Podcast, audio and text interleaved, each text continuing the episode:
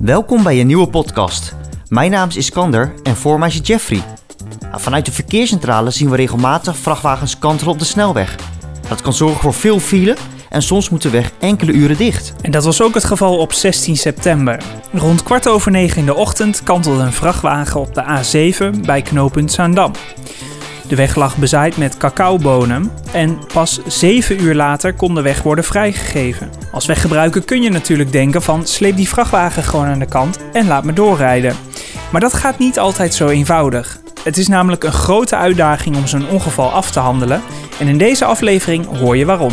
We bezoeken allereerst Ari. Hij is officier van dienst, ook wel overdeeën genoemd. Ari speelt een belangrijke rol in de afhandeling. Want bij Rijkswaterstaat krijgen we al gauw een melding dat een vrachtwagen gekanteld is. En hier gaat dan een weginspecteur naartoe en vervolgens wordt Ari ingeschakeld. We ontmoeten hem in Utrecht, vlak naast de verkeerscentrale van Rijkswaterstaat.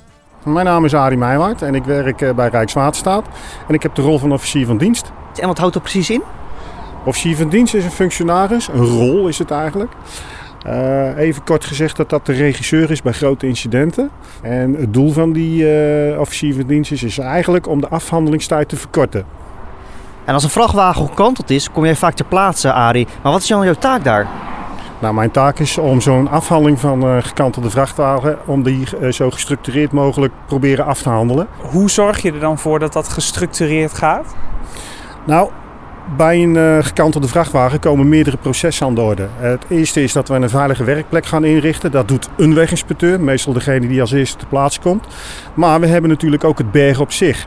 En de OVD die zorgt ervoor dat een andere weginspecteur die taak overneemt. Die maakt die, zoals het heet, taakverantwoordelijke voor het proces bergen.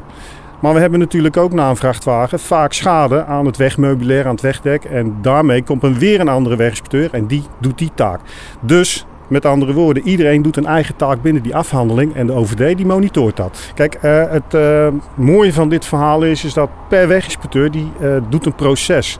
En voorheen was het zo, voor de tijd van de OVD, deed een weginspecteur bijna alles. Maar dan werd het niet meer gestructureerd, werd een beetje rommelig, chaotisch. Waardoor de restduur van zo'n incident, ja, dat was veel langer als nodig. En met de OVD erbij, die kan dat gestructureerd coördineren. En uh, de winst daarin is onder andere dat de restduur veel korter wordt. Zoals Arie net al aangeeft, een goede samenwerking is erg belangrijk om het incident vlot af te handelen. En dan komt ook berger Wim daarbij kijken. Voor hem is een gekantelde vrachtwagen een grote uitdaging en hij vertelt waarom.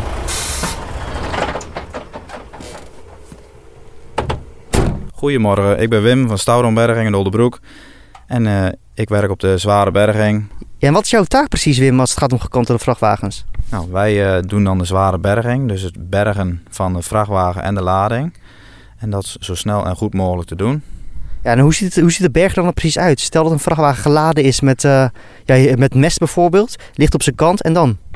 Nou, als de vrachtwagen bijvoorbeeld geladen is met mest, wordt dat eruit gehaald om de vrachtwagen lichter te maken en om de berging uh, makkelijk te maken of makkelijker te maken. Uh, kijk, want hoe meer je gewicht je kwijt bent, hoe makkelijker de berging gaat worden. In verband met en schade en snelheid van de berging. En waar hou je dan rekening mee als het gaat om bergen? Uh, tijdstip van de dag. kijk, is het gewoon overdag tussen 10 en 3 gezegd, zeg maar.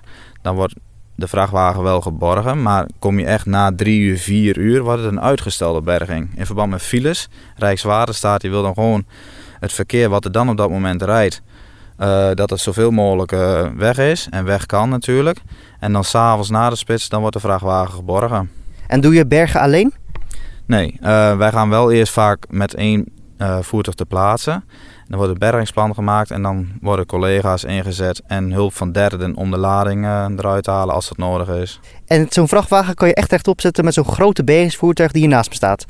Ja, daar zet je mee rechtop. Wij doen er meestal nog wel een telekraan bij om het uh, makkelijker te maken. Of opvangkussens, als hij dan weer rechtop komt, dat hij heel rustig neergezet wordt. Dat je niet zo'n hele klap maakt dat die vrachtwagen drie keer naschudt.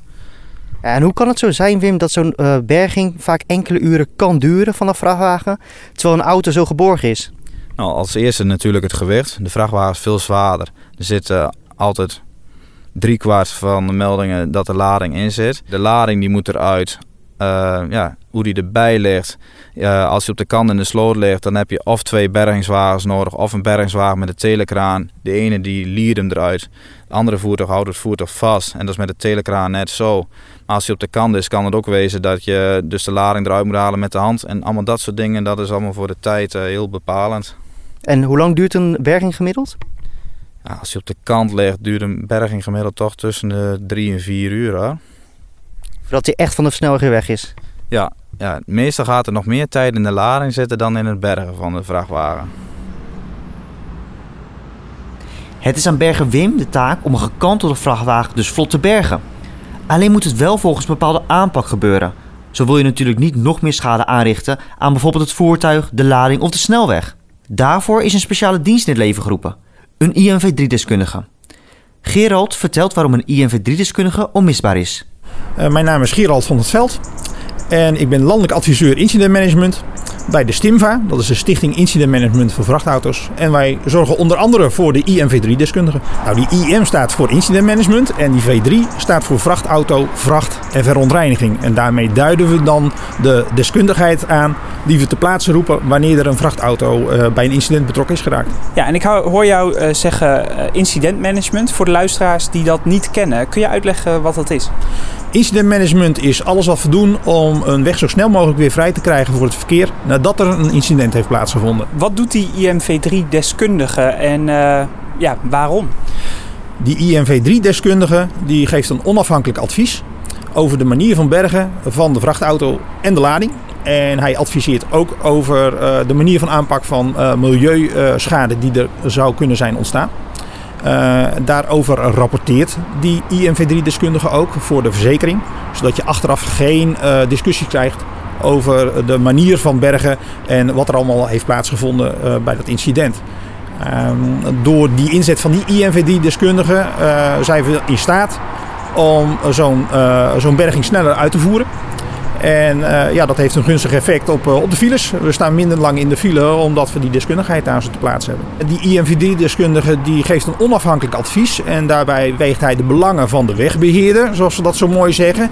Uh, de wegbeheerder wil graag dat zijn weg weer kan worden bereden. Maar hij kijkt ook naar de belangen van de eigenaar van die vrachtauto en de eigenaar van die lading. Want die lading heeft een bepaalde waarde. En die moet van de ene plek naar de andere plek. Uh, en uh, ja, er is, er, er, is heel veel, heel veel belang bij om dat weer soepel op gang te brengen. Waarom gaat een IMV3-deskundige niet naar ongevallen met personenauto's? Ja, de belangen zitten anders bij personenauto's en bij vrachtauto's. Bij personenauto's dan, dan kijken we meer naar de schadesturing, vanuit de berging gezien. En bij vrachtauto's is er vaak sprake van lading, en grote lading en kostbare lading, die van de ene naar de andere plek moet worden gebracht. Uh, dus uh, daar zitten mensen op te wachten. Dat, uh, daar, daar zit een heel logistiek proces achter. Dat kost geld. En vandaar dat dat op een andere manier wordt benaderd. De deskundigen die we naar zo'n incident sturen, ja, die sturen we dan ook alleen naar die vrachtauto-incidenten. Ja, omdat het een groter voertuig is, omdat het gespecialiseerder is en omdat die lading daar ook een, een, rol in speelt. Ja, er zijn veel meer belangen mee gemoeid. Dus belangen vanuit de verladen vervoerder, vanuit de verzekeraar en de belangen van, uh, van de wegbeheerder, omdat hij zo snel mogelijk zijn weg weer vrij wil hebben voor het verkeer. Voor we deze podcast afsluiten, gaan we nog even terug naar Bergen Wim. Want hij heeft nog een boodschap voor je. Soms weggebruikers denken wel eens van nou, er staat file en allemaal materiaal en laat ze toch eens opschieten. Maar wij doen als bergers altijd ons best om zo snel en goed mogelijk de weg vrij te maken. En dat is gewoon tijd nodig. Ik heb weer een bergingsmelding, ik ga er vandoor. Je hoort het Bergen Wim al zeggen: we doen ons uiterste best om een weg zo snel mogelijk weer vrij te geven. Soms kan dat iets langer duren, bijvoorbeeld door asfaltschade of als de vangrail geraakt is. En dan herstellen we dat. En daarmee sluiten we deze aflevering af. We hopen dat je een stukje wijzer op pad gaat.